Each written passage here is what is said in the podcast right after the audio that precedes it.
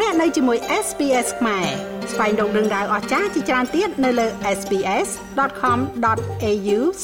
ខ្មែរការប្រឡងសញ្ញាបត្រមជ្ឈមសិក្សាទុតិយភូមិឬហៅថាការប្រឡងបាក់ឌុបរយៈពេល2ថ្ងៃនៅក្នុងប្រទេសកម្ពុជាបានបិទបញ្ចប់ហើយកាលពីល្ងាចថ្ងៃទី6ខែធ្នូក្រសួងអប់រំបានប្រកាសថាការប្រឡងបាក់ឌុប2ថ្ងៃមុននេះ បានបញ្ចប់ដោយរលូនជោគជ័យបើទោះបីជាបេក្ខជនខ្លះមានបញ្ហាសុខភាពក៏ដោយក្រសួងអប់រំយុវជននិងកីឡាបានប្រកាសថាស្ថានភាពជារួមនៃការប្រឡងបាក់ឌុបរយៈពេល2ថ្ងៃមុននេះគឺមានសភាពស្ងប់ស្ងាត់និងមានសន្តិភាពរបៀបរៀបរយល្អប្រឡង2ថ្ងៃនេះបេក្ខជនអវត្តមានមានចំនួន2400នាក់ត្រូវជា1.87%នៃបេក្ខជនសរុប បេក្ខជន70នាក់មានបញ្ហាសុខភាពក្នុងនោះករណីគ្រោះថ្នាក់ចរាចរណ៍កម្រិតស្រាលមាន4ករណីនិងសង្ស័យវិជ្ជមាន COVID-19 ចំនួន4ករណីបេក្ខជនដែលមិនអាចដំណើរការសំណេរដោយសារតែបញ្ហាសុខភាពមាន3ករណីរីឯគណៈមេប្រយោគគឺមានបញ្ហាសុខភាពចំនួន14នាក់ហើយក្នុងនោះម្នាក់មានសភាពធ្ងន់ធ្ងរត្រូវបញ្ជូនទៅមន្ទីរពេទ្យ ក្រសួងអប់រំបានបន្តថានៅតាមមណ្ឌលប្រឡងនីមួយៗបានដំណើរការល្អមានសភាពស្ងប់ស្ងាត់និងរបៀបរៀបរយល្អបានអនុវត្តទៅតាមសេចក្តីណែនាំប្រតិបត្តិរបស់ក្រសួងក្នុងនោះទោះបីជានៅតាមបណ្ដាខេត្តមួយចំនួន មានភ្លៀងធ្លាក់ក៏ដោយក៏ប៉ុន្តែមិនប៉ះពាល់ដល់ដំណើរការសំណេររបស់បេក្ខជនឡើយបេក្ខជនបានគោរពបទបញ្ញត្តិនៃការប្រឡងបានយ៉ាងល្អតែមានបេក្ខជនប្រព្រឹត្តកំហុសឆ្គងចំនួន1ករណី ជារួមក្រសួងអប់រំបញ្ជាក់ថាដំណើរការប្រឡងបាក់ឌុបរយៈពេល2ថ្ងៃនៅក្នុងប្រទេសកម្ពុជា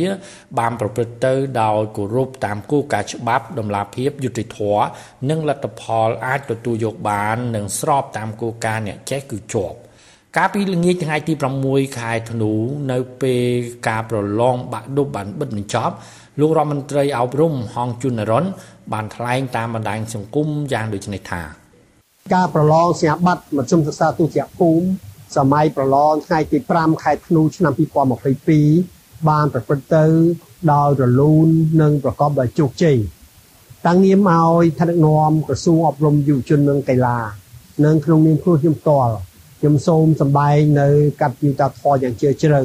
ចំពោះគណៈមេប្រយោគទាំងអស់រួមទាំងអនុរិយអបមាតទូទាំងប្រទេស គណៈមេយុទូទាំងប្រទេស ដែលបានរៀបចំនៅដំណើរការប្រឡងនេះឲ្យបានល្អនិងប្រកបដោយជោគជ័យខ្ញុំសូមថ្លែងអំណរគុណដល់បេក្ខជនទាំងអស់ក៏ដូចជាដល់មេដាបេដាទាំងអស់ដែលបានចូលរួមគ្រប់គ្រងជាពិសេសបេក្ខជនដែលបានអនុវត្តយ៉ាងម៉ឺងម៉ាត់នៅបទបញ្ញត្តិនិងសេចក្តីណែនាំរបស់ក្រសួងអប់រំយុវជននិងកីឡា